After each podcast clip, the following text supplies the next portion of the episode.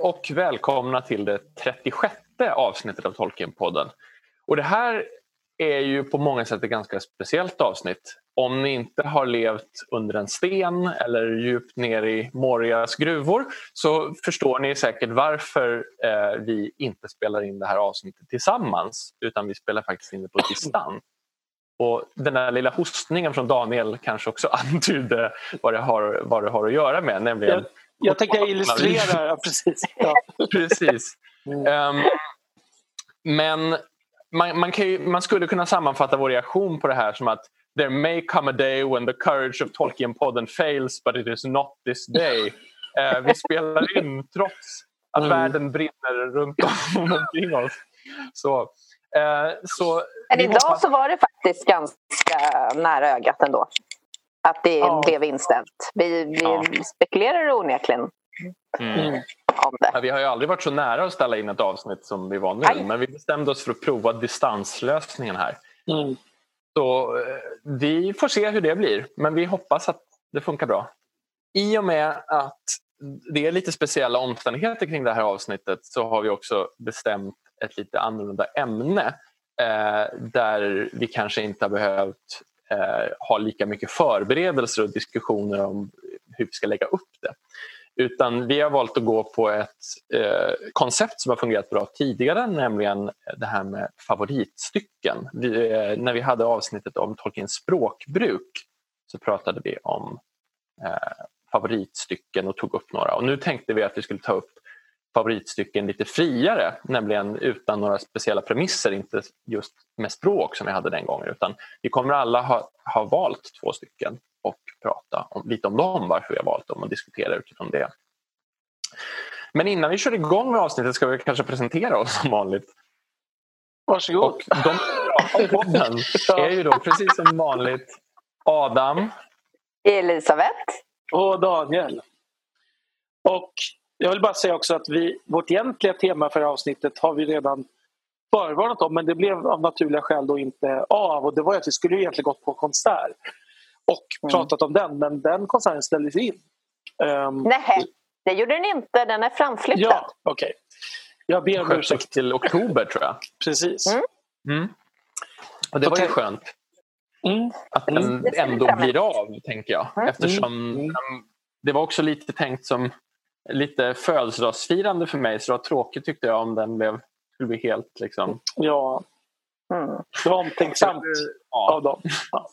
Ja precis, det, det, var bara för att liksom pyssla om lilla bubben Adam som hade uttryckt det från förra avsnittet. Precis. Ja.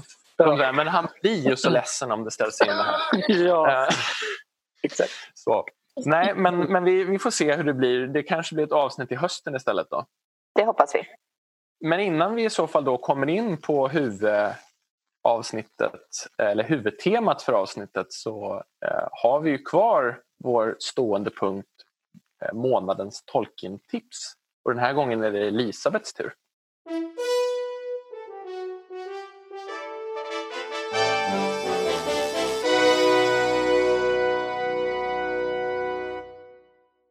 Ja, eh, och eh, ja, jag har också blivit lite inspirerad av, eh, i mitt val här av eh, just eh, tiden kan man säga. Så att jag kommer att välja att prata om en bok, som jag, eller en bokserie som jag håller på och läser just nu och som jag tycker är rolig och intressant. Eller rolig och rolig, men jag tycker den är välskriven. Och eh, kopplingen då till tolken ska vi kanske börja med. Den är väldigt lös. Eh, men... Eh... Passande för månadens Tolkien-tips. Mina har varit ganska lösa också ska vi ju erkänna. Ja. Eh, man kan väl säga så här. Vi kan koppla det till att det här handlar om en person som får i uppdrag att eh, rädda världen. Mm. Eh, så att eh, där ser vi en koppling. Vi kan ta det till en koppling till att eh, världen står och faller med människors dumhet. Mm. Det är passande, tycker jag. Ja. Absolut. Mm. Eh, och eh, bokserien är skriven av Justin Cronin. Mm. Eh, första boken, jag har läst den här på svenska. Eh, de heter såklart något annat på engelska. Jag har faktiskt inte riktigt koll på det. Eh, men eh, första boken i serien heter eh, Flickan från ingenstans. Mm. Och varför är den då eh, väldigt lämplig just nu? Jo, för det handlar om att man har experimenterat och eh, hittat något virus mm. eh, på en avlägsen ort i världen och sen tagit det och försökt, eh, ja, tagit massa försökspersoner som får eh, Eh, ta del av det här och förvandlas av det och blir början på den stora katastrofen. Eh, den här flickan, eh, Amy, hon eh, får också del av det här men hon blir liksom det lyckade eh, den lyckade försökskaninen som sen då blir den som kan bli eh, den som ska försöka rädda det hela. Eh, jag är just nu på bok två som mm. heter mm. De första tolv. Eh, och eh, den här har verkligen fått väldigt, väldigt eh, mycket positivt. Eh, den har jämförts med Stephen Kings Pestens tid eh, och ja, några andra också. Men, men ja, det, det är en serie som jag varmt kan rekommendera. Jag har läst den faktiskt, hela serien. Håller du med? Den, jag håller, håller verkligen med. Um, jag, jag, vill inte spoila men jag gillar det är ett ganska storslaget anslag när man har kommit en bit som överraskar skulle jag säga. Jag blev väldigt överraskad vid, jag tror att det var redan i första boken, en viss liksom, när man kommer till hälften ungefär. Ja, mm. ja men jag liksom, tror jag vet vad det tar på mycket större proportioner än vad man tror i början. Ja. Man säga. Och det finns ju något Tolkiens idé ändå, de här stora proportionerna. Och... Men den är ganska episk på många sätt, um, skulle jag säga. Faktiskt. Mm. Jag tror den heter, hela serien heter The Passage på engelska. Okej. Okay. Um, ehm, så, om man vill läsa på engelska. Mm. Mm. Ja, de har och jag den... inte läst, det kan vara intressant. Mm. Eh, den beskrivs som i genremässigt så går den in, vad var det står här? Roman, science fiction, thriller, spänning, skräck, postapokalyptisk fiktion med mera. Mm.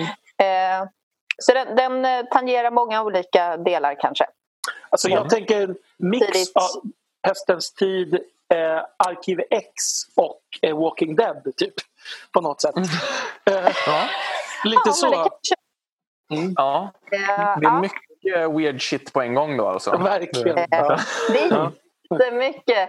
Och lite så här i, i coronatider så, så kan man ju känna att, mm, att det både kittlar och eh, och eh, blir lite skräckrysningar.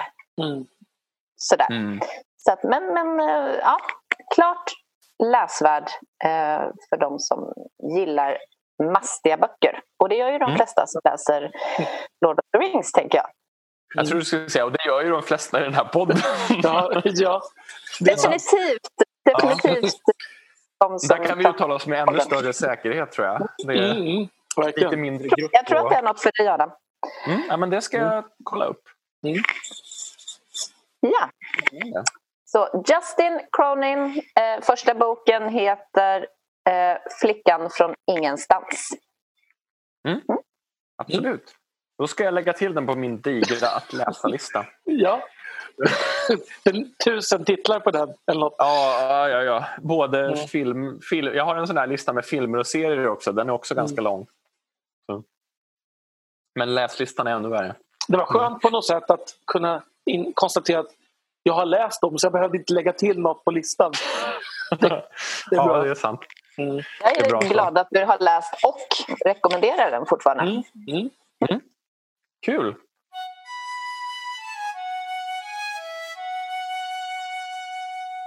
Då har vi kommit fram till huvudpunkten i avsnittet och som jag nämnde i början så handlar det alltså om att vi ska gå igenom lite förutsättningslöst några av våra favoritstycken. Eh, så vi kommer helt enkelt att läsa stycket och sen så kommer vi att diskutera. Personen som har valt det kommer att förklara varför de har valt det, varför de tycker det är bra eller intressant eller vad det nu kan vara. Och sen kommer vi diskutera fritt utifrån det. Kan man säga. Så Daniel börjar. Mm. Eh, och mitt första stycke är ur eh, Fellowship of the Ring. Ifrån, och det är sista eh, två styckena ur eh, kapitlet Lothlorien tänkte jag läsa. Så jag hoppas ingen av er har valt det också för det har vi inte stämt av. Um, nej. Uh, då så. At the hill's foot Frodo found Aragorn standing still and silent as a tree. But in his hand was a small golden bloom of Eleanor and the light was in his eyes.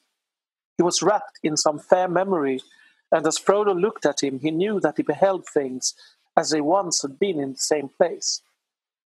For the grim years were removed from the face of Aragorn, and he seemed clothed in white, a young lord, tall and fair, and he spoke words in the Elvish tongue to one whom Frodo could not see. Arwen Vanimelda Namarie, he said, and then he drew a breath, and returning out of his thought, he looked at Frodo and smiled. Here is the heart of Elvendom on earth, he said, and here my heart dwells ever, unless there be a light beyond the dark roads that we still must tread, you and I. Come with me. And taking Frodo's hand in his, he left the hill of Kerin Amroth and came there never again as living man. Det är ju något av en klassiker det här stycket. Det är, mm. ju, en, det är ju ganska ofta citerat som mm. mångas, en av mångas favoriter kan man säga. Och det är ju inte så konstigt. För det, det är ju väldigt bra. Ja, det är mycket i det som jag tycker är bra faktiskt. Kan jag säga. Mm. Mm. Um, Men, ja, ja, du börja berätta varför. Mm. Uh, dels så tycker jag att um, det är fint skrivet. Även om, även om inte språket var tema för dagen så tycker jag att det är, det är liksom fint, fint författat. Um, jag tycker också att det ger en bild av Aragorn som är annorlunda från större delen av boken. Eh, det här mm. som man liksom får se, som finns lite i appendix där just i berättelsen om Aragorn och Arwen. Um, där får man ju den här bilden, men den här bilden är inte med så ofta i, i liksom huvuddelen av boken. Den här liksom, nästan lite... Det finns något lite barnsligt i det här. I hans, mm. alltså, att det, han blir som ett barn nästan. Um, mm. I det här lite förtrollade och eh, och sen är det väldigt fint i deras relation tycker jag. Att alltså Frodo, han delar den här, den här, det här med Frodo, det här ögonblicket. Um, och sen är det det stora vemodet i det. Den sista meningen är liksom otroligt sorglig på något sätt. Att han liksom är där på den här platsen som han älskar nästan mer än någonting annat.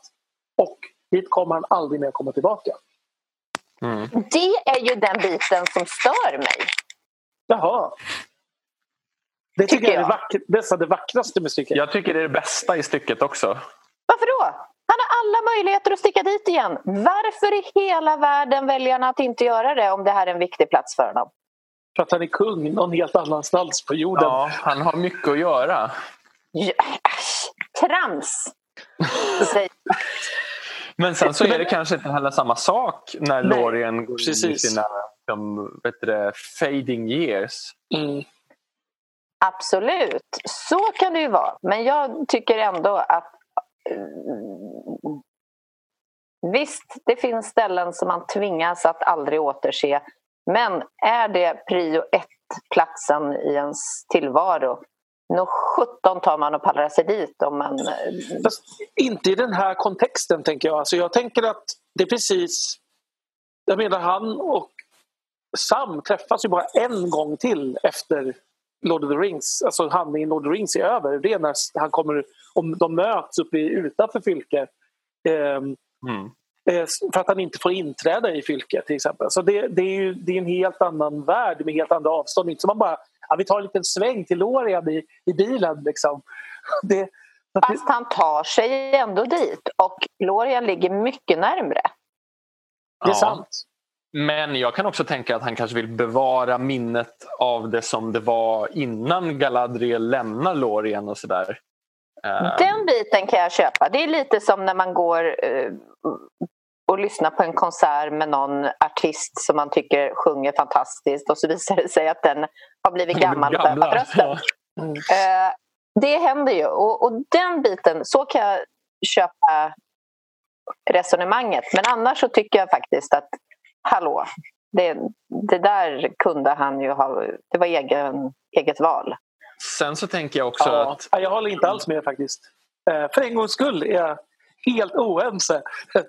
Nej, men att, jag tänker, tänker fortfarande att hur många medeltida kungar liksom hade möjlighet att bara jag, jag sticker iväg till ett ställe som, som är nice. Det, alltså, hur mycket tid hade man över till det, tänker jag. Nej, man reste ju ofta runt eftersom man inte hade en fast, liksom, ett jo, fast men i sitt rike då? det var, liksom, ja, precis. Ja. Det var ju hela tiden i någon sorts syfte att konsolidera makten. Eller, ja. och dessutom utkämpade han ju väldigt, väldigt många års krig i Harad och sånt där vet vi ju. Så att han är ju inte hemma ja. hela tiden heller. Jag tänker att det, är, att det är ganska moderna ögon då. Liksom att man tänker att ja, resa det gör man ju för att, till trevliga ställen. Alltså, jag, jag, jag, tänker att det är en helt annan värld. Där man inte, Tolkien till exempel, hur mycket reste han? Typ två gånger va? Ja, Utanför precis. Storbritannien eller något. Ja. Mm. Fast nu är det ju så här att den här snubben är ju känd för att resa. Jo, men, men kanske inte på nöjesbar i första hand. Nej, det köper jag. Men, men ändå. Tycker mm. att det ändå borde han borde gjort, ut, gjort liksom lite rent i sin kalender någon dag helt en, enkelt. Någon, men en, någon, eh, någon vecka. Men en annan aspekt som jag tänker på kring det här är ju att vet du, um, Kerin Amroth kanske i första hand då är viktigt för honom för att det är där, liksom, där han och Arwen liksom, mer eller mindre förlovar sig på något plan mm. eller lovar varandra trohet. Mm, absolut. när han väl har fått Arwen så kanske det liksom ändå blir lite mer perifert för att de ändå lever tillsammans. Så att mm. tidigare representerade längtan efter arven på något mm. plan. Mm. Ja, det, han har den platsen så att säga. Hemma i vardagsrummet istället. Mm, ja. Nej, men det är för hon, ja, reser, mm. hon reser väl inte dit heller misstänker jag förrän, förrän han dör. Han, alltså, ja, hon lägger sig och dör i Lorien och ja. på Mallolnlöven. Så. Ja, precis.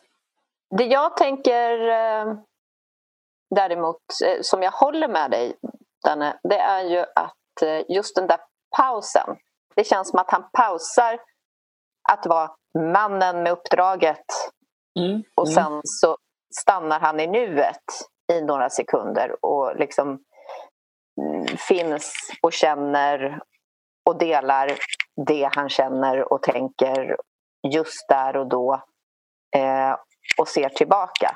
Den mm. biten är, är ju något helt annat mm. i jämförelse med resten av boken. Och det, det håller jag med om.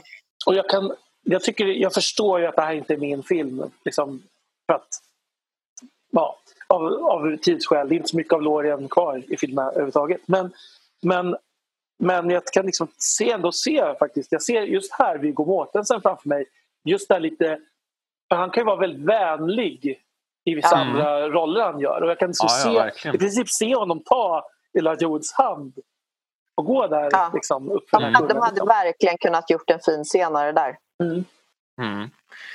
Det hade varit svårare att göra den här eh, eftersom Tolkien går ju in som aktiv berättare och berättar för mm. läsaren mm. det här. Liksom, det hade ju inte gått att göra på film på det sättet. Nej, det, eventuellt skulle han kunna säga så här, jag undrar om jag kommer att få komma tillbaka hit någon mer mm. gång. skulle man kunna mm. gjort som någon sorts replik. Um, men, men absolut han har ju, han har ju ett drag av att kunna eh, sådär säga saker som han tror om framtiden ibland. Ändå. Mm. Jaha, jo, precis. Ja, men lite, alltså, inte på samma sätt som Elrond och Galadriel men, men han har ju ändå en viss sådär liten känsla för. Magkänsla? Mm. Stark magkänsla. Så mm. det hade han mm. nog kunnat häva ur sig. Jag har ett minne från tidigare diskussioner, Elisabeth, att du är inte förtjust i olyckliga slut. Nej. Det är ju jag. Det är det bästa ja, jag vet. Jag också. så alltså, det, det, kan ha med det att göra också. Att, också så här, olyckliga slut med någon sorts episkhet. Det, det ligger väldigt, väldigt högt på min så här, gåshudslista. Mm. Fast, det, fast jag gillar här är att det inte är episkt utan jag tycker att det är väldigt intimt. Att det liksom är ja, för jag tycker att ändå att den här sista meningen blir ändå liksom Never return as a mortal man. Alltså den, den ger ändå... Ja, living liksom, man är det faktiskt. Ja, living man. Men det är ändå, ja. ja jag tycker ändå att det blir något sån här liksom, det ger ett långt tidsperspektiv och det ger ändå någon sorts... Där, liksom... Jo, men det skulle man kunna skriva en helt, i, liksom en, i en berättelse som inte alls hade något episkt över sig överhuvudtaget. Tycker jag. Mm, men samtidigt är det inte så vanligt, tänker jag, för det finns ju en klar sagoton i att berättaren går in så aktivt och föregriper handlingen. Liksom. Ja, det är men... inte så vanligt i moderna romaner att man säger så här, det här skulle han aldrig göra igen i sitt liv. Det, det, tycker inte jag är så vanligt i modernt författande. Det tycker jag känns att det finns exempel på, även om jag inte kommer på något nu. Precis som du säger, det du säger. Mm, nej, jag, jag tycker att det finns jag en väldigt tydlig sagostämning i det. Mm. Att berättaren är så aktiv. För jag tycker att det är väldigt ovanligt med en, så, en, en berättare som går in och berättar runt omkring. Att man inte bara är en passiv kamera på axeln nu för tiden. Liksom. Alltså liksom, till exempel i tillbakablickar och sådär, alltså någon återberättar något. Alltså att det blir en berättare i berättelsen så att säga. Fast kan du komma på ett enda exempel? För jag eh. sitter inte och kommer på det just nu. Nej, det kanske men å andra sidan skulle jag... På. Sen skulle jag inte kunna komma på... Det känns som att det typ... Jag har ingen aning om det är så, men typ i Nyckeln till frihet typ, skulle det kunna finnas en sån... Alltså den typen av berättelser där, man, där hela berättelsen är en tillbakablick. Liksom. Mm. Ja, det är möjligt men jag, jag vet inte, för mig känns det stämningsmässigt som något som är ganska typiskt Tolkien att han, är, att han ibland kliver in i berättelsen aktivt. Det är jo, någonting men... som åtminstone för mig känns ovanligt i andra böcker jag har läst. Anledningen till att Nyckeln till frihet är ju att den har en berättare som just lägger sig i berättelsen. Eftersom ja. den, alltså du valde ju ett av... exempel. Ja, och det är med att det mm. finns den typen av berättelser mm. där allting är ett återberättande. Och då är mm. berättaren väldigt aktiv. Vi kan ju gärna be att få några exempel om någon eh, av de som lyssnar kommer på. Ja, det, finns, det är klart att det finns exempel på det men jag kan ändå känna att jag tycker att det är lite omodernt så att säga. Men det, att det var mycket vanligare med, med en aktiv berättare i äldre litteratur. Alltså Robert Louis Stevenson och, och liksom Alexandre ja. Dumas och såna där Robinson Crusoe av eh, Defoe. Men det är ju inte en, ett sago, en sagofloskel. Är det ju inte. För det är för psykologiskt, liksom, tänker jag. Mm, alltså det... Absolut, men det är ändå någonting som liksom berättar för oss vad som kommer att hända senare i handlingen. Mm. Mm. Så jag, jag vet inte, det är mycket möjligt att det finns jättemycket sånt men då har nog inte jag läst så många sådana böcker för jag tycker att det här är någonting som är relativt ovanligt i böcker skrivna efter 50-talet. Att man berättar, att man antyder något som kommer hända? Ja, att berättaren aktivt går in och berättar vad som kommer hända senare i handlingen. Det tycker jag är väldigt ovanligt. Det här kommer jag att fundera vidare på. Ja, jag, jag känner inte alls att det är så men det kanske beror på vad det är man läser. Ja, nej, det ehm. kan vara så att jag har helt fel men, men i magkänslan känner jag mig jättesäker på att det, jag kan inte komma på många böcker. Jag tror inte att det är så, så mycket modern fantasy till exempel. George R. Martin berättar aldrig, han går aldrig in som aktiv det. Det är för att han inte vet vad som ska hända. så kan det ju vara förstås. Det, um, Nej, men jag, tänker jag, jag får ändå känslan att mycket spänningslitteratur i väldigt vid bemärkelse idag bygger mycket på att man inte ska få några hintar, man inte ska kunna dra några slutsatser framåt. Liksom. Jag håller på att fundera igenom Harry Potter och tänker att undrar om det inte kan finnas någon sån fras där i. Ehm, men det kanske inte gör. Ja, jag har för dålig koll på Harry Potter tycker jag. Alltså jag har läst dem två gånger men jag känner att jag inte har tillräckligt har inte funderat tillräckligt mycket på berättargreppen. Nej. Ja, vi kanske inte kommer till något svar. Ska vi prata vidare om eh, citatet? Jag har ingenting mer som jag tänkte på. Har du det Daniel? Någon mer aspekt som du... Eh, nej, men det, det, jag tänkte bara att det kan vara intressant att konstatera att man kan gilla någonting av helt olika skäl och även ogilla det då av, av samma skäl som man gillar det. Det är också intressant. Ja, eh, verkligen. Men, men att för att för mig är det just att det går ner i relationen mellan, mycket mellan Aragorn och Frodo att det just inte blir episkt här utan mer begränsat. Att det, det, det, mm. de, det handlar om någonting som är väldigt mycket mer mänskligt än det här storslagna etiska. Att det handlar om, att det handlar om olycklig kärlek och det handlar om vänskap. Liksom. Mm. Jag tror att för mig menar jag inte att det är, att det är tematiskt episkt utan mm. språkligt episkt. Mm. Att föregripa liksom, med ödet nästan så att säga. På något sätt. Mm. Alltså episkt mer som i epik. Då är det Elisabeth tur. Då är det min tur och då tvingas jag eh, sådär eh, sätta jag har valt i relation lite till dels det som Danne har sagt innan här och även till det jag själv har sagt alldeles precis nyss. Det vill säga eh, att jag tycker om lyckligt slut. Eh, för det gör jag. Men eh, jag har valt ett citat eller ett stycke som just kanske inte eh, har ett lyckligt slut utan eh, det griper mig just för att det är så, så slutgiltigt. Eh, och då har vi hamnat hos enterna. Eh, och eh, de har just beslutat sig för att delta i kriget. Of course, it is likely enough, my friends, he said slowly.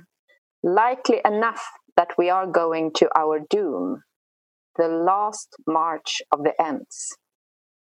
But if we stayed at home and did nothing, doom would find us anyway, sooner or later.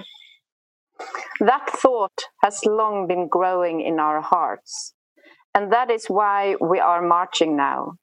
It was not a hasty resolve. Now, at least, the last march of the Ents may be worth a song. He sighed. We may help the other peoples before we pass away. Still, I should have liked to see the songs come true about the Entwives. I should dearly have liked to see Fimbrethil again.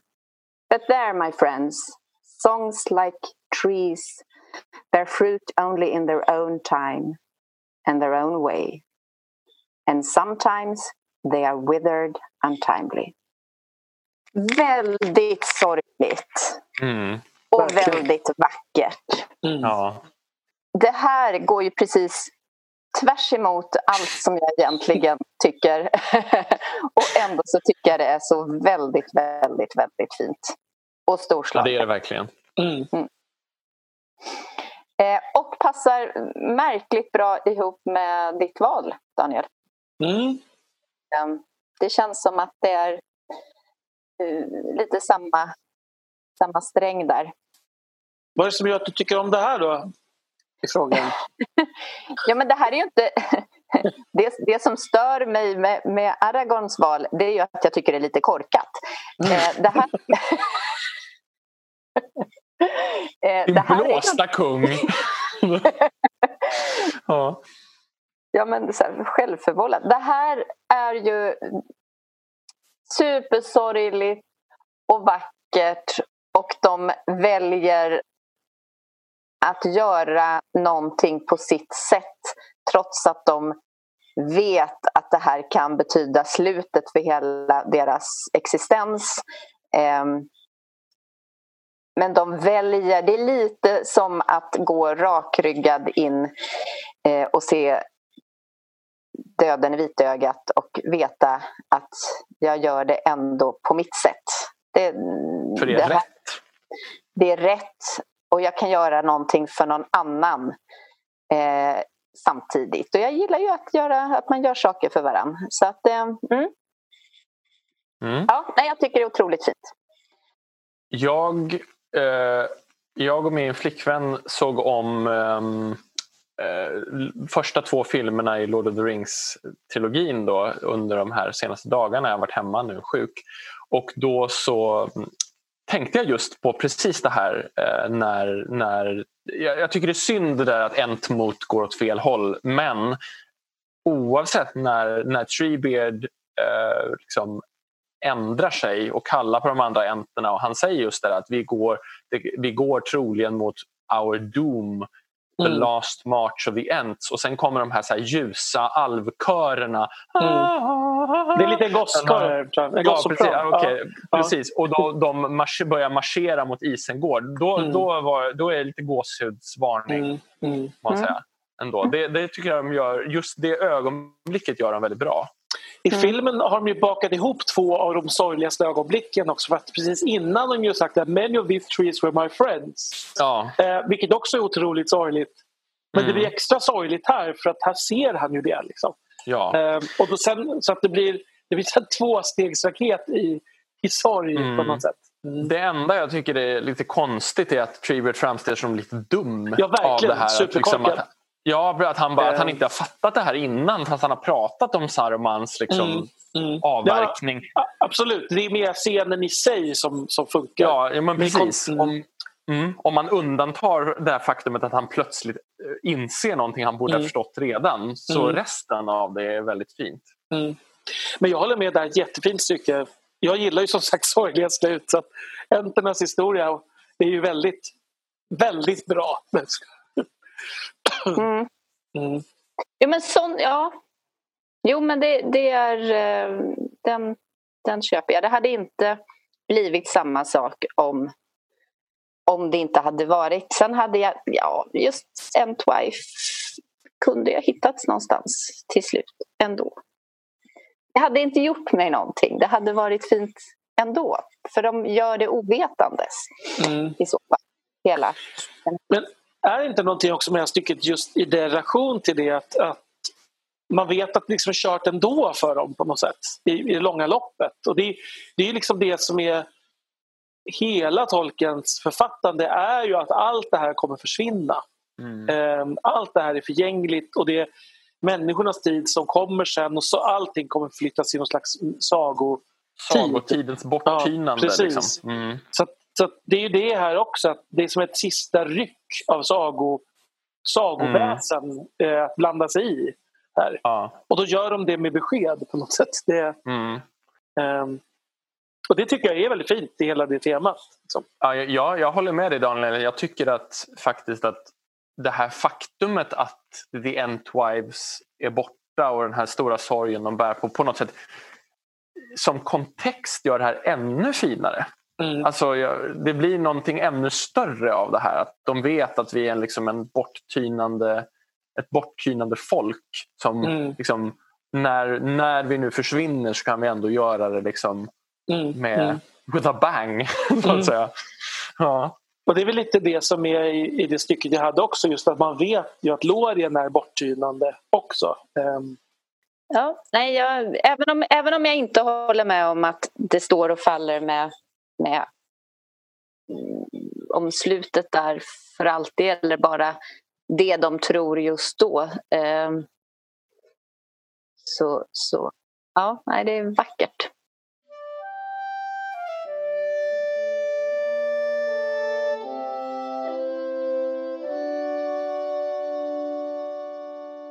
Då lämnar vi över till Adam då, med, kommer här med sitt första stycke. Och jag, jag, kommer inte att muntra upp stämningen utan jag tänkte snarare som en brygga här skulle man kunna säga här, med tanke på undergång och slut och folk som försvinner. så tänkte jag leda över i nästa, ja. nästa stycke här. Um, och det här är ett stycke som finns och är nästan helt identiskt i Silmarillion och The Children of Horin Mm. Eh, det är väldigt små skillnader. Det finns några små, men jag kommer att läsa ur The Children of Horin. Och eh, precis i början. Eh, det här utspelar sig alltså i slutet av Nirnaith Arnoidiad, alltså det stora slaget där alver och människor har gått samman för att försöka bekämpa Morgoth.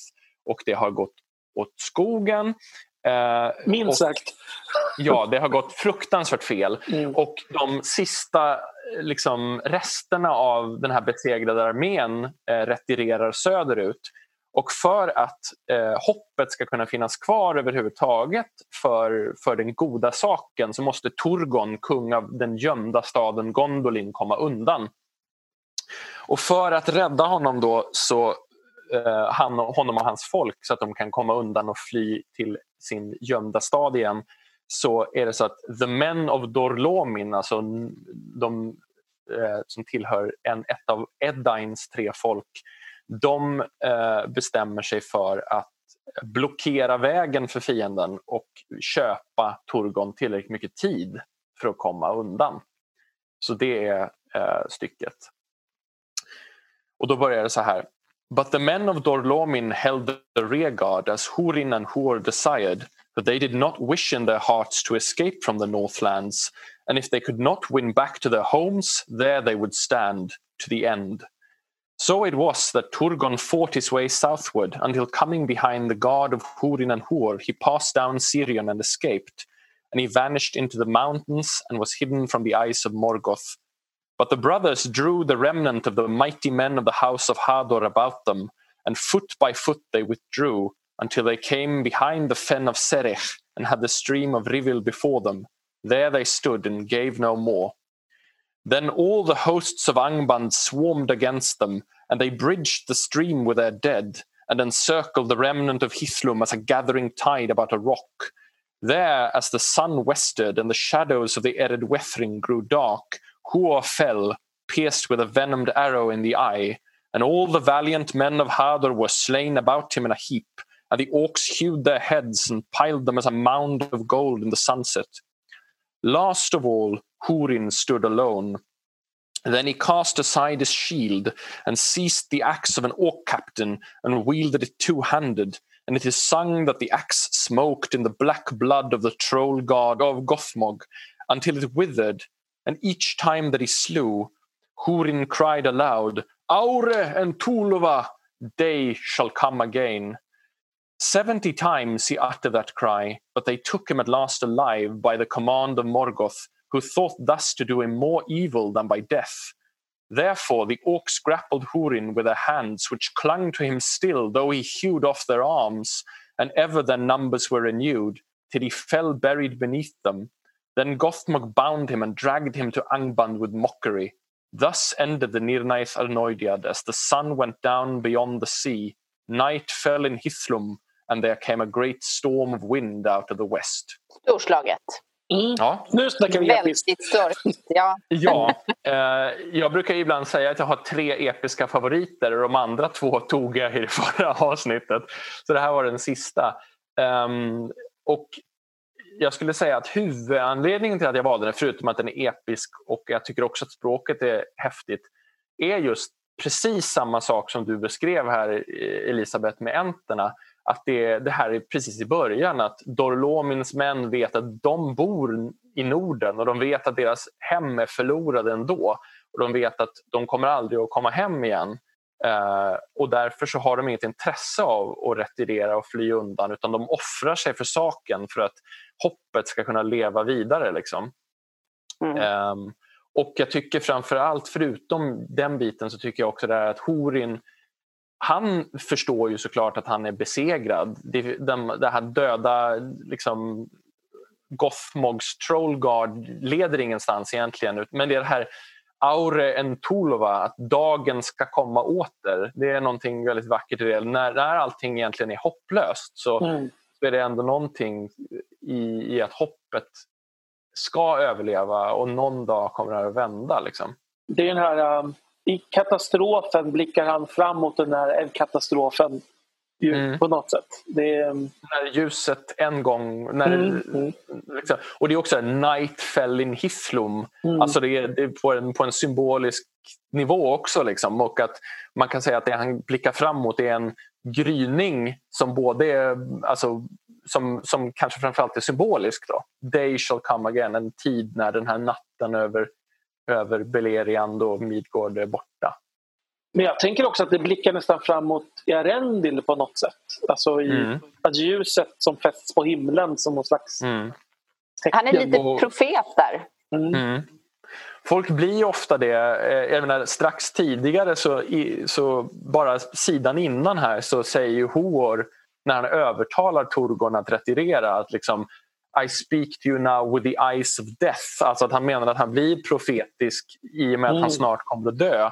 Och då ser han att liksom, through you and through me uh, hope shall arise again eller något åt det hållet säger han. Liksom att a new star shall arise. Han menar då att Tor och Idril kommer att leda till Erendil en dag. Han vet inte hur men han ser på något sätt att om du kommer undan så kommer våra ja, gemensamma ansträngningar att bära frukt. Och Det kan man ju säga att det lite samma sak som mm. Horins framåtblickande.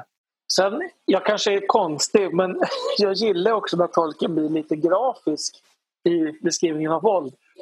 Det är mm. Jag, jag, är inte förtjust i, i stridsscener men, men det är, lika, det, det, är ju samma grej som det här med huvudena i mina stilis som jag har tagit upp mm. tidigare. Att det blir liksom... Helt plötsligt så blir det inte...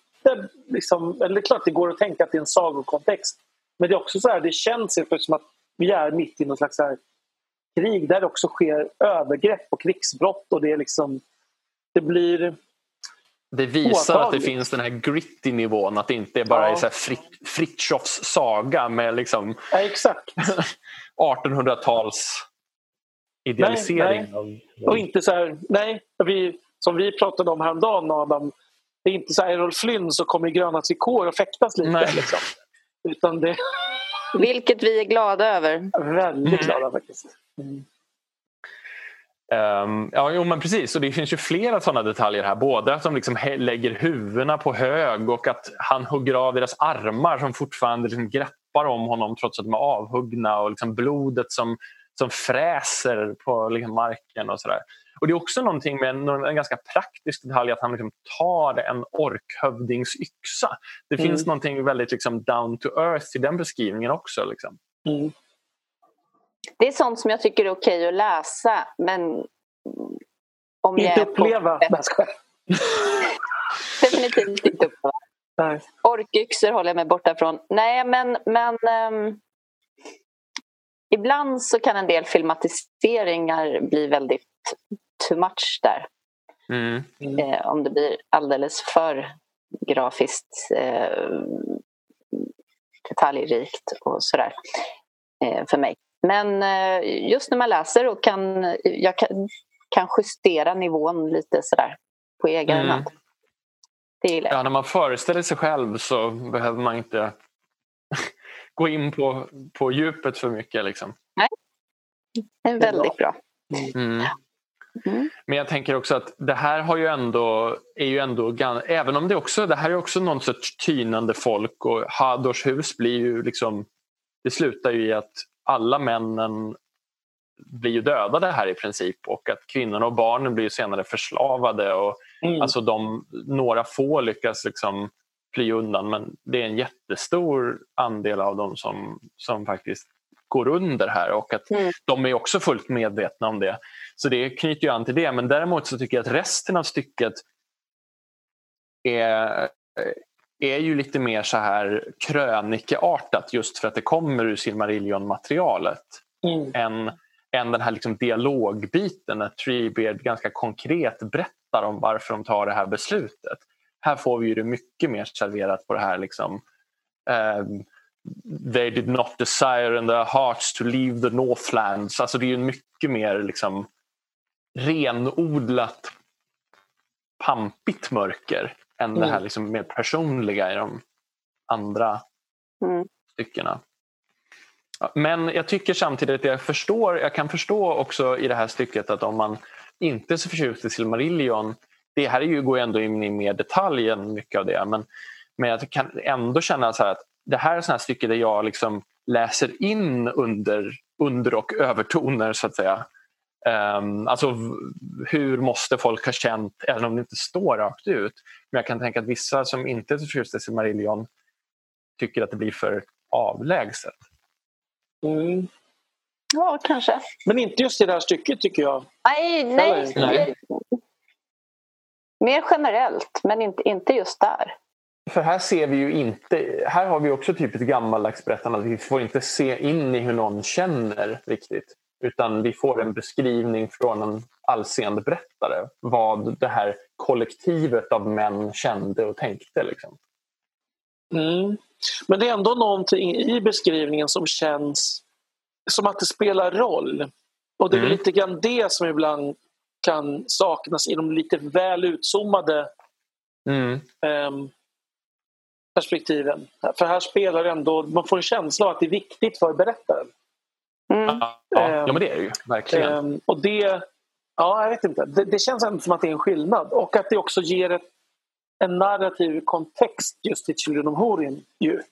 Alltså, och det som ju är en väldigt sammanhållen berättelse. Mm att det, det blir ju, det här är ju precis, det här är första kapitlet och det ger liksom så här, det här det sätter tonen på, på något sätt sen för när liksom Horim får den här förbannelsen över sig och man sen följer sonens liksom kamp genom en värld som liksom redan är förlorad nästan på något sätt. Det är som att de, de kämpar med liksom det lilla ljus som finns och, och, allt går också fel för att liksom förutsättningarna är oöverstigliga. Mm. Mm. Du har varit väldigt mörk första halva här. Man, ja. man kan, man, eller, Får vi se ja, om det blir ljusare sen då? Mm. Ja, um, jag vet inte vad jag kan lova men det blir en annan kom, sorts mörker. Jag kommer med, med en liten skärva av ljus tror jag ändå, någonstans. Mm, men, men vemodet slipper ni inte. Nej, men det gör man inte med Tolkien. Nej, precis.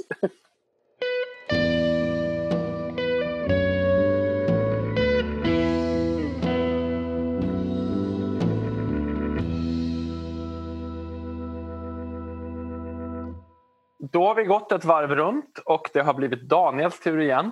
Jag tänker ge mig eh, in i en text som säkert inte alla er har läst. Eh, men som är en av Tolkiens finaste texter tycker jag. Det är den här Leaf by Niggle, den här eh, lilla novellen. Mm. Som vi har pratat om när vi gick igenom de olika, alltså Tolkiens författarskap. Pratar vi om den. Men jag tror, har ni läst den? Ja. Inte hela, nej. Elisabeth, den och alla lyssnare som inte har läst den är värd att lyssna och den är inte särskilt lång. Den är ganska kort. Så um, jag tänkte det kan vara bra att ge lite kontext tror jag, till det jag ska läsa så att man får liksom en... Om man inte vet vad det handlar om så betyder det inget. Um, den jag tycker att det här är en av Tolkiens modernaste texter apropå den här diskussionen vi hade förut. Även om berättaren då lägger sig i lite grann här, så är den ju... Det som... Jag får liksom så associationer till typ Kafka och 1984. Ja, jag tänkte precis säga det. Det finns vissa drag um, som påminner om det. Och det, det är som att vi befinner oss i en värld ju, som är som vår värld men det är eh, ju att det finns så inspektörer som, som kommer och kollar att man sköter sig. Och det, det verkar som att livet går ut på att någonstans vara nyttig. Alltså nytt, nyttig för staten och för samhället. Mm.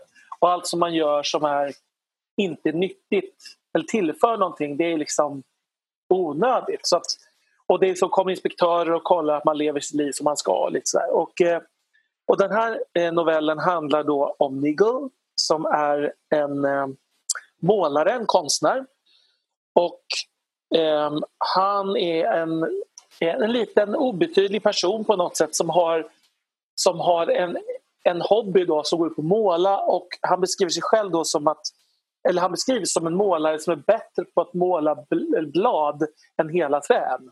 Alltså att mm. han, är, han är bra på... Niggle betyder ju typ att knåpa, pilla sig ner med, med små pyssel. Liksom. Så att han är bättre på att gå in i små detaljer än att, att få klart en helhet.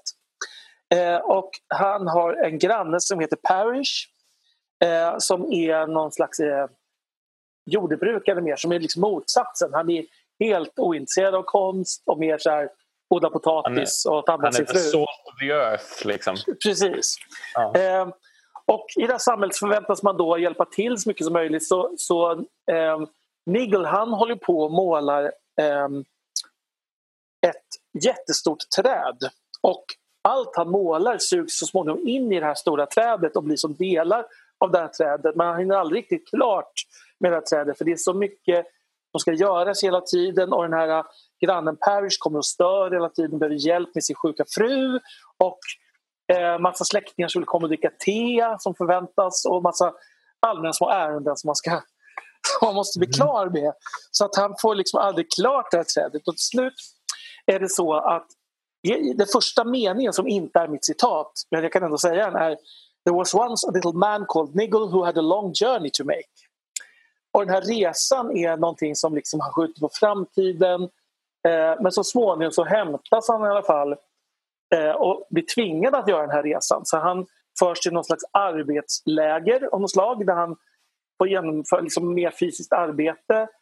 Eh, mm. Och sen blir han till slut sjuk så han får ligga på någon säng och då hör han så röster som diskuterar honom eh, och de liksom värderar honom. Hur, har han, hur, har, eh, har han inte tillfört någonting och sen andra röster, men han har ett gott hjärta och han försökte i alla fall. Så, här. så han blir i alla fall utsläppt från det här arbetsläget och ska åka då in till nästa stadium på något sätt. Och eh, det är där vi nu kommer in i mitt citat. Han släpps ut från arbetsläget och ska liksom bege sig hem. Eh, man får åka tåg och sen när han kommer fram så står en cykel och väntar på honom. Ehm, och då är det detta stycke. Nigel pushed open the gate, jumped on the bicycle and went bowling downhill in the spring sunshine. Before long, he found that the path on which he had started had disappeared, and the bicycle was rolling along over a marvelous turf. It was green and close, and yet he could see every blade distinctly. He seemed to remember having seen or dreamed of that sweep of grass somewhere or other. The curves of the land were familiar somehow. Yes, the ground was becoming level as it should, and now, of course, it was beginning to rise again. A great green shadow came between him and the sun. Nigel looked up and fell off his bicycle. Before him stood the tree, his tree, finished. If you could say that of a tree that was alive, its leaves opening, its branches growing and bending in the wind that Nigel had so often felt or guessed and had so often failed to catch. He gazed at the tree and slowly he lifted his arms and opened them wide. It's a gift, he said. He was referring to his art and also to the result but he was using the word quite literally. He went on looking at the tree. All the leaves he had ever labored at were there as he had imagined them rather than as, as he had made them. And there were others that had only budded in his mind, and many that might have budded if only had had the time. Nothing was written on them, they were just exquisite leaves, yet they were dated as clear as a calendar. Some of the most beautiful and the most characteristic, the most perfect examples of the Nigel style who seemed to have been produced in collaboration with Mr Parrish. There was no other way of putting it. Och det som sen händer, eh, det är att, kan jag säga då innan vi går in på stycket, det är att Nigel och Parrish eh, möts igen i den här världen då som har uppstått kring hans träd och tar hand om ett litet torp där tillsammans och typ börjar ge sig in längre och längre in i den här världen. Eh, och till slut så kommer en herde och hämtar Nigel och de beger sig upp i bergen som är då i bakgrunden av den här trädmålningen som man liksom aldrig blir klar med. Anledningen till att jag valt det här är för att dels jag tycker att hela den här berättelsen är så otroligt fin. Den, och den blir ju finare när man tänker att det här är ju då en allegori. Det här är ju då ja. den tydligaste allegori som tolken har skrivit och den handlar ju om honom själv. Så uppenbart. Och tänker man det när man läser om den nu som jag gjorde, det var länge sedan jag läste den, så blir allt uppenbart. Liksom, att allting är en allegori för någonting. Mm. Och hur han ser på sig själv. Man får också en inblick. För han, han beskriver liksom Nigel som en lite så här fånig person på något sätt. Som, som håller på att grotta ner sig i meningslösa saker och aldrig blir klar och, och bara tar massa detaljer. Men, och sen den här drömmen om att det här trädet, alltså hela hans mytbygge ska bli klart och allt han någonsin har liksom skrivit sugs ju upp i det här trädet. Mm. Um, och sen den här resan då som ju jag tänker att det är döden och att det först är någon slags mm. här, typ skärseld och sen kommer den här heden och hämtar honom och då är det liksom ut, ut, ur, ut i evigheten på något sätt. Det är min mm. tolkning i alla fall. Mm. Absolut. Alltså, jag, åh, vad fint att hans icke färdiga träd får liv. Mm. På det viset som kanske hans livsverk ändå fick. Ja. Och det kan inte han ha mer än önskat när det här skrevs. Det, det fanns ju liksom inte på kartan då riktigt för honom. Nej. Åh, jättefint! Nu blev jag lite rörd faktiskt. Mm. Eh, mm. Mm. Men det är också att allt blev klart som han hade tänkt sig utan att han liksom fått ner det. Liksom. Att mm. alla hans tankar... För man kan ju också tänka tänk vad mycket han tänkte om den här världen som han aldrig skrev ner. Ja. Eh, utan bara var som en strö, strötanke. Liksom. Ja. Och det skedde ju givetvis inte.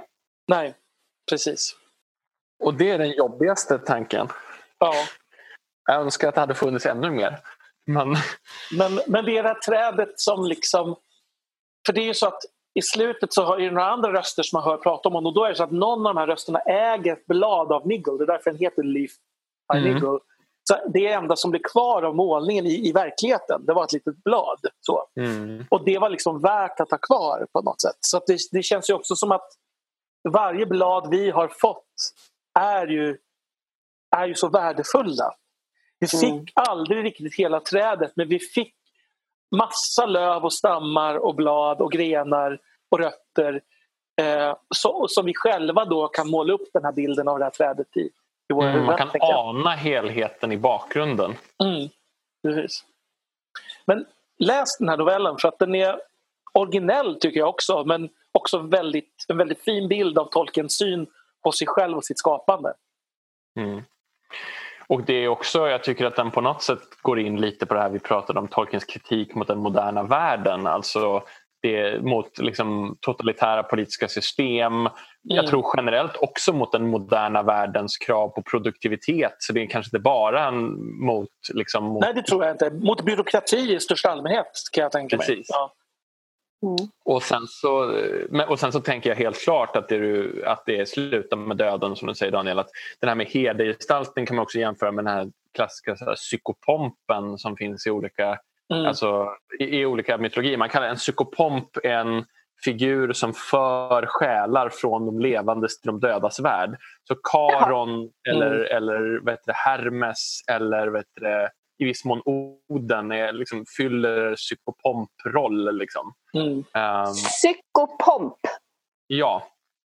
Aldrig hört. Eh, men, men det är också så att psykopompen i det här fallet är ju, är ju en herde som ju är en ganska välkänd bild av Jesus också. Precis, men, men man kan ju eh, Så tänka, det är en kristen liksom... psykopomp kan man säga. Ja, alltså, precis. Men, men, men det, är ju, det ligger också i linje med att Tolkien väldigt ofta smälter samman kristna mm. och hedniska koncept på något mm. sätt. Eller, mm. eller polyteistiska. Okej. Okay. Lärt mig ett nytt ord. Det gillar vi. Mm, och blivit lite rörd dessutom. Ja. Men precis!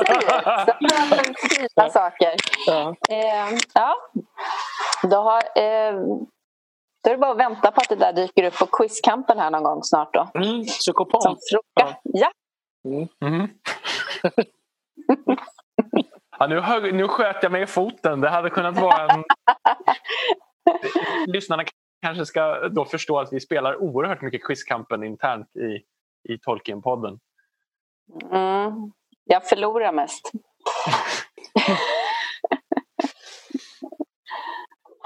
Men mm. ibland så vinner jag.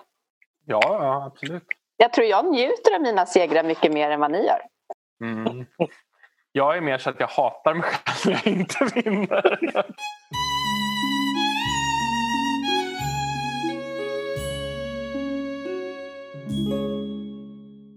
är det min tur igen. Det blir bra. Då har vi gått bakåt i tiden. Vi håller oss i Lord of the Rings. Eh, men eh, har eh, hamnat i Fylke. I utkanten av det. Eh, Frodo har eh, kommit till sin nya bostad. Han eh, måste lämna ett väldigt jobbigt, tungt meddelande eh, till sina vänner, det vill säga att han ska överge dem. Eh, och inser här att deras kunskaper är betydligt större än vad han tror. But it does not seem that I can trust anyone, said Frodo. Sam looked at him unhappily. It all depends on what you want, put in Mary. You can't trust us to stick to you through thick and thin, to the bitter end. And you can't trust us to keep any secret of yours closer than you keep it yourself. But you cannot trust us to let you face trouble alone and go off without a word. We are your friends, Frodo. Anyway, there it is. We know most of what Gandalf has told you. We know a good deal about the ring. We are horribly afraid, but we are coming with you or following you like hounds. Eh, vi kan stanna där, tror jag. Eh, jag gillar det här. Jag gillar just den här eh, känslan av att de ser varandra eh, som så oerhört viktiga att de är beredda att offra precis allting som de värderar högst. Eh, den här lojala sidan hos dem som gör att de faktiskt eh, går emot till och med och riskerar att, att eh, bli anklagade för att inte gå och lita på. Eh, de, de eh, tar till vad som helst eh, för att supporta eh, Frodo i det här fallet. Och hade det varit på något annat sätt så hade de säkert gjort det gentemot den personen istället. Jag tycker det är oerhört fin bild av vänskap. Eh, Verkligen. Och jag tycker att det här också är kanske lite um, här vis, det här är hobbitarna lite värdigare än de ofta får vara i filmerna. Mm. Den här scenen finns ju, men de, alltså det, är, det är en väldigt typisk Mary-scen tycker jag också. För han, mm. han har ofta den här liksom, väldigt ansvarstagande och, och verklighetsorienterade eh, bilden. Mm. Liksom. Han, han förstår mm. väldigt väl redan här jämfört med de andra var det här är på väg. Liksom. Och det är han, det är Hur stora riskerna faktiskt är, vad det är de riskerar och vad som står på spel också från mm. med ringen. Mm. Verkligen. Uh, ja, det, det är... Uh, jag vet inte, det har säkert framkommit många gånger tidigare att jag är förtjust i första delen just när de fortfarande befinner sig uh, i fylke eller The Shire. Um, och mycket av, av de här små nära vänskapsdelarna tycker jag eh, tajmar väldigt bra. Mm. Mm. Här summeras det på något vis. Mm. Jo men det är ju, vänskap är ju ett, det heter ju trots allt The Fellowship of the Ring, heter ju första boken. Det är som att det här kamratskapet är ju en otroligt viktig del Mm. Och, och, inte minst då, jag tänker, här kan man verkligen dra paralleller till den här första världskrigs erfarenheten. Att, nu, ja. att de är liksom ett gäng nu som ska ut i fält tillsammans. Det, ja. det är ju TCBS som möts här eh, innan mm. de sig redo att ge sig ut i den stora världen på något sätt. Med skillnaden att de här gör, alla utom en gör det frivilligt. Mm. Mm de gör det för varandra. Mm. Ja. Eh, men man, på en lite mer symbolisk nivå så kan man ändå tänka att liksom det är saken som behöver, behöver räddas. så att säga. Alltså, mm. Och att det kommer ju påverka alla deras liv om de inte drar ut i fält i mm. den verkliga, alltså tänker de. Ja, ja, lite, ja. Jag kan ju dra koppling till andra ställen också. De här båda har ju eh, att göra saker för saken att, att nu får jag hans formulering där, uh, he did his bit. Mm. Eh, he did his bit, yes. Ja. Dr. Uh, Courtney Phillips. Phillips. Mm. Ja. Uh, nej, men, men att faktiskt uh, dra sitt strå till stacken, att faktiskt mm. känna ansvaret. Men också den här aningslösheten som måste ha funnits bland alla de här unga soldaterna som jag också tycker mm. jag känner att hade Mary och Pippin framförallt tror jag vetat vad det hade inneburit innan någon hade sagt det. Ja, de kanske hade följt med ändå men det känns ju som att de hade det hade varit, det hade varit vad ska man säga, de hade inte gått ut med samma liksom, checka humör. Nej. Jag ifrågasätter, gjorde Mary det? Pippin ja. Fast han hade ingen aning om vad det var som skulle hända. Han förstod ju att det här är någonting skrämmande. Och det ja, är inte, alltså, men han kan ju inte greppa vad som komma skall. Nej. Det är omöjligt hur mycket man än... Det hade, det hade ju ingen av dem gjort. Jag, Nej. jag Nej. tänker Nej, precis. att Mary är den som är närmast Frodo i att inse det. Eh, Ja. Medan Sam och Pippin eh, var inte ens nära. Liksom. Nej, absolut. Nej, det håller jag med om. Medan Sams lojalitet hade gjort att han aldrig hade tvekat ändå. Men Nej. Nej, men jag tänker att det, det, alltså just parallellt första världskriget, det är klart att många visste att det, det, det är så jag tänker att det är. Att man kan teoretiskt veta att ge sig ut i krig, det är farligt och Och obehagligt. det kan vara hemskt. ja. Ja, men sen liksom själva upplevelsen hur det var eh, måste ju ha varit... Jag menar, så är det väl alla krig, tänker jag. Mm. Att det kan aldrig på något sätt eh, gå att föreställa sig hur det är. Och det är inte så jag tänker mig att det är också. Det är klart att de Frodo inser faran och Mary inser faran också i ganska utsträckning men inte ens de fattar ju hur... Frodo har inte ens en... Han har hans plan är ju bara att han ska ta sig till Rivendell dessutom här. Ehm, eller till Bree till och med kanske, där han tänker att han ska få hjälp av Mm. Gandalf. Ehm, så att, så att det är ju det att hur stort det här ska bli är det verkligen ingen som vet. Nej. Och det lilla de kan ana förstår de ändå bara på ett teoretiskt plan. Mm. Mm. Nej, men så, och så måste det ju... Det är väl lite kanske också... Man tänker att framförallt förr så var det ju väldigt unga män som gick ut i krig Mm. som gjorde de här...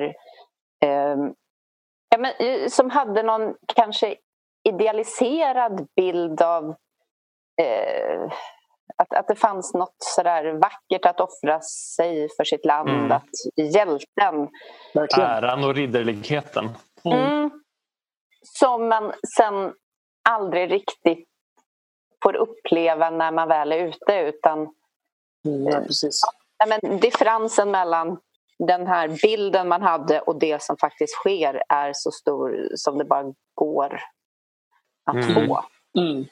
Och just där liksom att man knyter ihop det här sen när de kommer tillbaka hela efter hur de hanterar det ehm, på olika sätt dessutom. ehm, med olika krigserfarenheter. Liksom. Mm. Det känns ju som att det var också rimligt någonstans. Ehm, Verkligen. Och, men, och det ger ju också... Det, det, det här blir lite som en... Det knyter ihop säcken lite grann med det där när, när Rosie säger till Sam att nu, om du nu har hängt med Mr Frodo så här länge så kan du ju inte liksom lämna honom så fort det blir lite farligt. nej, Och, ja, precis. Liksom, när, man har, när man har hela den här erfarenheten. Han säger att han kan, liksom, han kan inte ens börja på ett svar för det är omöjligt att förmedla till henne på något sätt hur korkad den kommentaren är. Det är den där andra sidan också. Ja. Hur mycket de offrar när de ger sig iväg. Ja.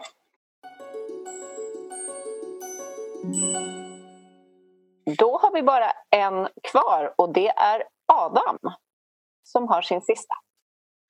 Eh, och för en gångs skull så har jag inte tagit någon typ av väpnad konfrontation av något slag den här gången. Ehm, ja, jag- Daniel gör en chockad min här. Ehm, precis, du blev skriet av Edvard Munch. exakt, exakt. Ehm, och vet du, jag går tillbaka till Fellowship of the Ring här precis som Elisabeth gjorde. Och som sagt så såg jag om de första två eh, filmerna nyligen och eh, kommer för övrigt att se den tredje senare idag tror jag. Um, har några, fyra timmar här att lägga på kvällen. Um, och jag tycker också väldigt mycket om den här alltså passagen från att man lämnar Fylke eller från att man lämnar Hobbiton till att, man, att de kommer fram till, till Bree. Och att det, eftersom jag tror att väldigt många är präglade, även folk som har läst böckerna är präglade av filmerna idag. Jag tror jag ofta man glömmer att det är 200 sidor innan de kommer fram till, alltså i alla fall i pocketutgåvorna, innan mm. de kommer fram till The Prancing Pony. Um, och och då, då har man kanske räknat med Concerning Hobbits och så. Jo, men det har man. Men, men ändå, det är ändå ganska mycket text innan man kommer dit. Och jag tänkte på det, eftersom det var så länge sedan jag såg filmerna, att det var jag tyckte att det gick så fruktansvärt fort. För Jag hade liksom böckerna mycket mer nära i minnet än filmerna. För Jag har inte sett filmerna på flera år nu. Uh, och Därför kände jag oj vad fort det går. Um, och Därför så ville jag ta ett stycke, precis som du gjorde Elisabeth, som liksom befinner sig mellan att Frodo lämnar Bag End till att de kommer fram till eh, Bree. Och jag eh, kommer att representera ett lite mörkare stycke. Um, för att det lilla ljus som jag släppt in på den ska, ska dränkas i skugga här igen. Men, men det är i alla fall, jag tänker att det representerar ett annat drag än de vi har visat av Tolkiens författarskap. Jag, tror, jag vet inte om vi hade något sånt här stycke, kanske, när vi jobbade förra gången med, ehm, eh, med språkbruket. Men, men min tanke är att det ska representera att Tolkien skriver lite läskigt. Um... Vi pratade ju lite om det när vi gjorde um, när vi gick igenom översättningar och vi gick igenom vår gamla översättning av Minas Morgul passagen. Ja, precis. Där lite gotiskt. Där har du rätt. Jag hade för mig att vi hade pratat om den passagen mm. på något mm. sätt. Men det här är ju då uh, The Barrow Downs, eller Kummelåsarna, mm. som ju då inte finns med överhuvudtaget i filmatiseringen. Uh, så för vissa är det här kanske liksom ganska nytt en del lyssnare som inte har läst böckerna. Vi har ju nämnt den passagen, att vi alla gillar den, tror jag i alla fall. Ja, vi, uh, ja vi har pratat precis. om den innan. Mm. Mm, det har vi. Och, um, men det man åtminstone kan säga är väl så här att um, Hobbitarna ger sig iväg från, från Fylke, passerar genom Buckland, de är liksom förföljda av de svarta ryttarna. De ger sig sen in i The Old Forest, gamla skogen, där de efter diverse farliga äventyr blir räddade av Tom Bombadil som vi har gjort ett helt avsnitt om. Och efter att de har lämnat Tom Bombadils hus så, så sätter han dem eh, i, i, rätt riktning så att säga så att de ska ta sig till Bree. Eh, men de måste passera Kummelåsarna som är vad heter ett, ett kulllandskap kan man väl säga med, med just åsar. Eh, mm. Där det finns gamla gravar från människor som är sedan länge döda och de här gravarna har sedan blivit invaderade av man säga, gastar i mörkrets tjänst som har liksom förvridit de här eh, tidigare gravarna. Får jag bara, bara skjuta in att jag bara som en parentes att när vi satt och fackgranskade nyöversättningen då var det väldigt mycket prat om just, för Olmarks älskade åsarna. Alltså väldigt mm. mycket av eh, eh, vad ska man säga, hills och downs och sånt översatte han till åsarna och vi hade en diskussion just om att det är ganska få av Tolkiens hills och downs som faktiskt är åsar i ordets egentliga bemärkelse, att Ormark liksom använder, överanvänder det ordet. Um, mm. Men här, i det här fallet kommer vi fram till att just kummelåsarna är tydliga åsar. Så att det är liksom i ridges på följd så här, på något sätt. Som, så här funkar det väldigt bra, just med ordet åsar. Mm. Precis. Det var bara en eh, språkparentes. ja, men det var en jättebra input. Um, och man kan säga så här att um, det finns dels en koppling till uh, Eddines förfäder. Att de äldsta de här kumlen är resta till det människor som levde där oerhört lång tid sedan. Alltså innan människorna vandrar in i Beleriand och kommer in i Silmarillions handling. Uh, men sen så finns det då folk som har blivit begravda från Arnor Eh, Eh, att det finns eh, i, i samma områden. Så det finns kopplingar till båda de här tidigare epokerna. Eh, jag kommer inte att ha ett stycke inifrån själva liksom, höjdpunkten av, hand, eller av, av spänningen och skräcken utan ett stycke som jag tycker är väldigt eh, vad ska man säga, suggestivt där Tolkien bygger upp spänningen väldigt väl. Och Det som händer i alla fall då att hobbitarna har råkat somna till när de inte har tänkt det. det. Mm. Och när de vaknar så är, om, så är det soliga och trevliga landskapet runt omkring dem fullständigt förändrat och det är blekt och mörkt och fruktansvärt dimmigt.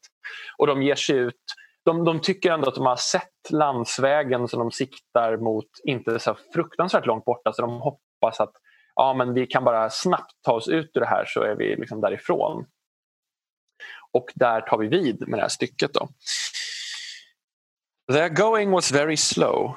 To prevent their getting separated and wandering in different directions, they went in file with Frodo leading. Sam was behind him, and after him came Pippin and then Merry. The valley seemed to stretch on endlessly. Suddenly, Frodo saw a hopeful sign. On either side ahead, a darkness began to loom through the mist, and he guessed that they were at last approaching the gap in the hills, the north gate of the Barrow Downs. If they could pass that, they would be free. Come on, follow me, he called back over his shoulder, and he hurried forward. But his hopes soon changed to bewilderment and alarm. The dark patches grew darker, but they shrank, and suddenly he saw, towering ominous before him and leaning slightly towards one another like the pillars of a headless door, two huge standing stones. He could not remember having seen any sign of these in the valley when he looked out from the hill in the morning. He had passed between them almost before he was aware, and even as he did so, darkness seemed to fall round him. His pony reared and snorted, and he fell off. When he looked back, he found that he was alone, the others had not followed him. Sam, he called. Pippin, Mary, come along. Why don't you keep up? There was no answer. Oh. Jag håller med. Det här är ju fantastiskt bra. Det är grymt. Mm. Uh, och Så jag tycker just det, Ja, det, det är väldigt obehagligt. Och det är den här, jag valde det framförallt dels för att jag, som, som jag motiverade innan att det är en bit som ofta glöms bort. Mm. Men också för att jag tycker att det är så oerhört skickligt. Så här, framför allt om man läser ett lite längre stycke och börjar med själva det här att de vaknar när de har somnat. Och hela mm. det här. Och sen så kryper det och så blir det ännu värre efter det här stycket där, liksom, där Frodo ropar och ropar och han, någon annan röst svarar att här är jag. Liksom så här. Alltså, det, den här skräcken smyger sig på och byggs upp gradvis på ett oerhört skickligt sätt tycker jag. Och det här stycket jag läste känns lite som liksom kärnpunkten i den här lite längre stigningen av, av obehagskänslorna. Det är som en skräckfilm. Ja, spökhistoria ja. som har slängts in i... i ja. Mm. Och just mm. där, liksom det här, de här två menhirerna nästan, de här två liksom stenarna. Mm. Och, och man kan, jag kan det här kan jag verkligen se en filmversion ja. av, som en egen separat film. Liksom, mm. Som kunde heta Fog on the Barrow Downs eller någonting. Men det, det, det, skulle kunna vara otroligt läskigt. Ja men det skulle ju gå att göra en en och en halv, två timmars film ja. som bara heter Fog on the Barrow Downs. Ja, verkligen. Alltså, när man utgår från materialet och bygger ut det lite. Liksom. Mm. Precis. Och det är verkligen inte i samma stil som större delen av, av eh, resten av boken. Utan... Nej, verkligen inte. Nej, men det, det är en inslängd eh, spökhistoria eller en skräck. Mm. Mm. Eh, ja.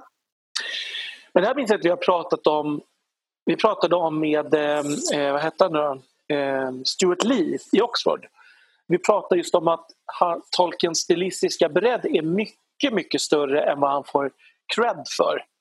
Mm. Ehm, tycker jag. Det, för det här är ju verkligen inte något onödigt blommigt eller någonting. Ehm, det är inte massa liksom eh, blomsterbeskrivningar, det är inte fånigt hobbitprat, det är inte heller storslaget och episkt på det sättet. Som, utan det här är verkligen ett helt annat sätt att skriva. Ja, och, och det är ett väldigt stramt språk. Alltså ja, ganska, ganska få, precis som du säger, ganska få liksom onödiga ord. Ganska ty, rakt och tydligt mm, men mm. väldigt effektivt berättat. Mm. Och nästan skulle jag säga att det blir mer obehagligt av att han utelämnar Alltså han skriver såklart “there was no answer”, punkt. Alltså sådär, det är den typen av sådär. Och han, han kokar också ner till de här väldigt basala eh, känslorna på något sätt, tycker jag i alla fall. Att jag tycker för det första det här när man tror att någonting ska gå över och man tänker ah, titta, titta nu kommer vi ut ur det här, nu, mm. nu slipper vi undan. Och så visade det sig att det var inte så, det var värre. Liksom. Det vände åt andra håll. Det här är inte alls det jag trodde. Det här Nej. ser jag inte. Var är vi någonstans ens? Och sen det allra värsta, liksom, att plötsligt vara ensam. Alltså när man inte när de andra bara försvinner. Det är också en sån där... Um, jag tror att många människor är orädda för den här liksom vändningen i, i förutsättningar och stämning. Liksom. Mm. Och här vänder det först från hopp till förtvivlan och sen från liksom, eh, någon sorts att stödja varandra till total ensamhet. Liksom. Men jag tror också att placeringen i narrativet är, är också en luring. För vi har redan haft en sån här incident kan man säga. De har ju hamnat i en annan scen som inte är med i filmerna eh, blivit fångatagna av gamla pilträdsgubben. Mm. det ju... finns ju med lite som en tillagd scen i Fangorn ja, istället. Ja, precis. The Towers, men um, minikort. Minikort. Och då, och då blir de ju räddade av eh, Tom Bombadil där. Mm. Och så mm. grejen att när de sen lämnar Tom Bombadil så, så säger liksom känslan att okej, okay, men nu är de ju snart i bri. Alltså, mm. eh, men så lägger han till en vändning till som känns ännu mycket värre. Liksom. Ja, eh, precis. Och det, det, jag tror att det är det också, att det är som att här har man någon slags förväntan av att det ska gå bra och så bara vänder det. verkar falsk säkerhet. Ja, verkligen. Det... Mm.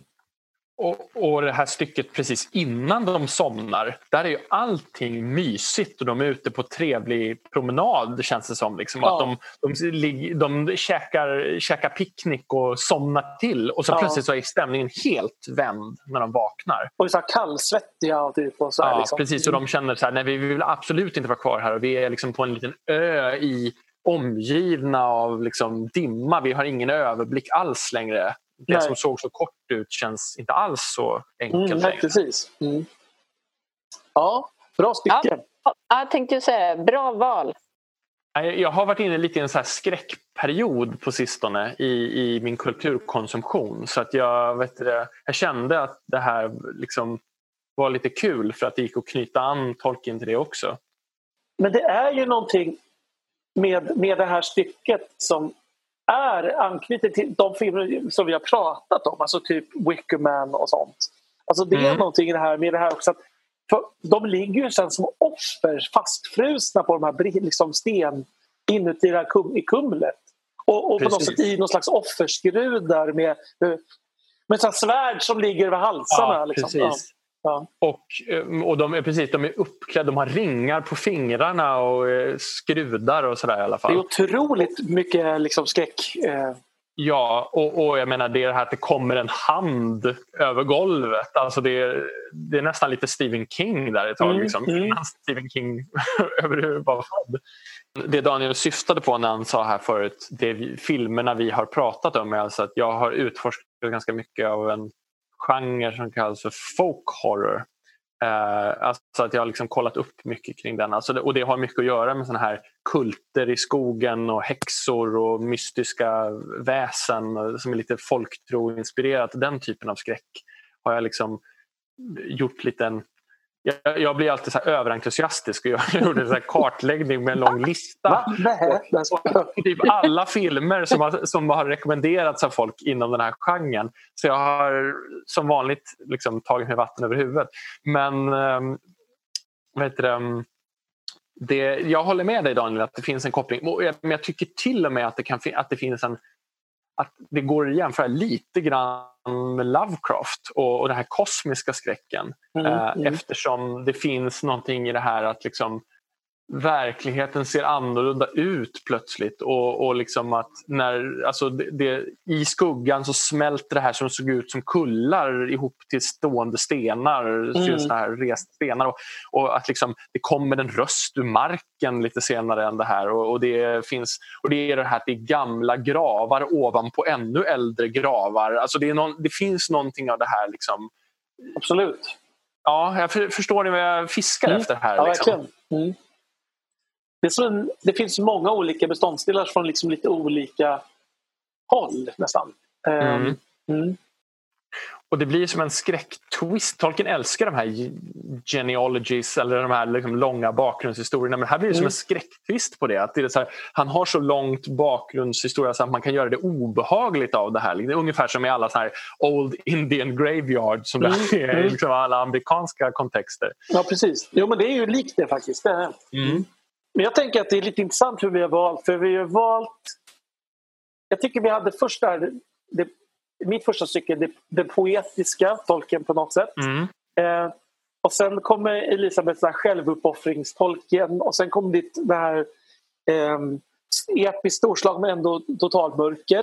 The last stand liksom. Så mm. Precis, och sen kom det liksom den moderna allegoriska 1900-talstolken i min. Mm. Och sen så kom Elisabeths igen, det här med liksom ut i kriget och vi ska vänskapstemat och så nu den här liksom gotiska skräcknovellen mm. eh, nästan som dyker upp här. Det är väldigt coolt att det kan vara så olika. Ja, det är en oerhörd bredd måste mm. man ändå säga. Och det, det, har vi ju tjatat om många gånger men jag tycker verkligen att Tolkien är eh, styvmoderligt behandlad av många som inte är fan. Alltså att de, de, de inte vad ska man säga, erkänner den bredd han faktiskt besatt. Mm. Men det kanske är just för att är man typ skräckromantiker så kanske man inte först vill läsa 250 sidor om Hobbit, hobbitar. Liksom. Alltså, det är lite för kort avsnitt som är... ja, precis. Um, så det, det, jag tänker att det är där någonstans problemet är. Ja. Också. Att, eller problemet, men alltså för oss är det ett plus tror jag. Mm. Att, att det, är, det, det, är mer, det är mycket bredare än egentligen någon annan i alla fall författare i den här genren, fantasyförfattare. Mm. Så ingen som kommer i närheten tycker jag av den här bredden. Nej, verkligen inte. Och sen måste man väl säga också, eh, vi hade väl alla kunnat välja helt andra stycken också. Ja, verkligen. Eh, och, och, varit lika eh, nöjda över de valen. Mm. Ja, vi kan ju absolut om någon gång i framtiden göra ytterligare sånt här avsnitt utan att ja. det finns någon som helst risk att vi liksom blir av, alltså vi, vi inte har tillräckligt mycket stycken att välja på. Nej men precis. Det finns ju oerhört mycket som är bra på så många olika sätt också. Eh, men jag tycker att du har en bra poäng Daniel, att vi fick en väldigt bra spridning på olika... Mm, eh, utan att vi hade pratat ihop oss alls faktiskt.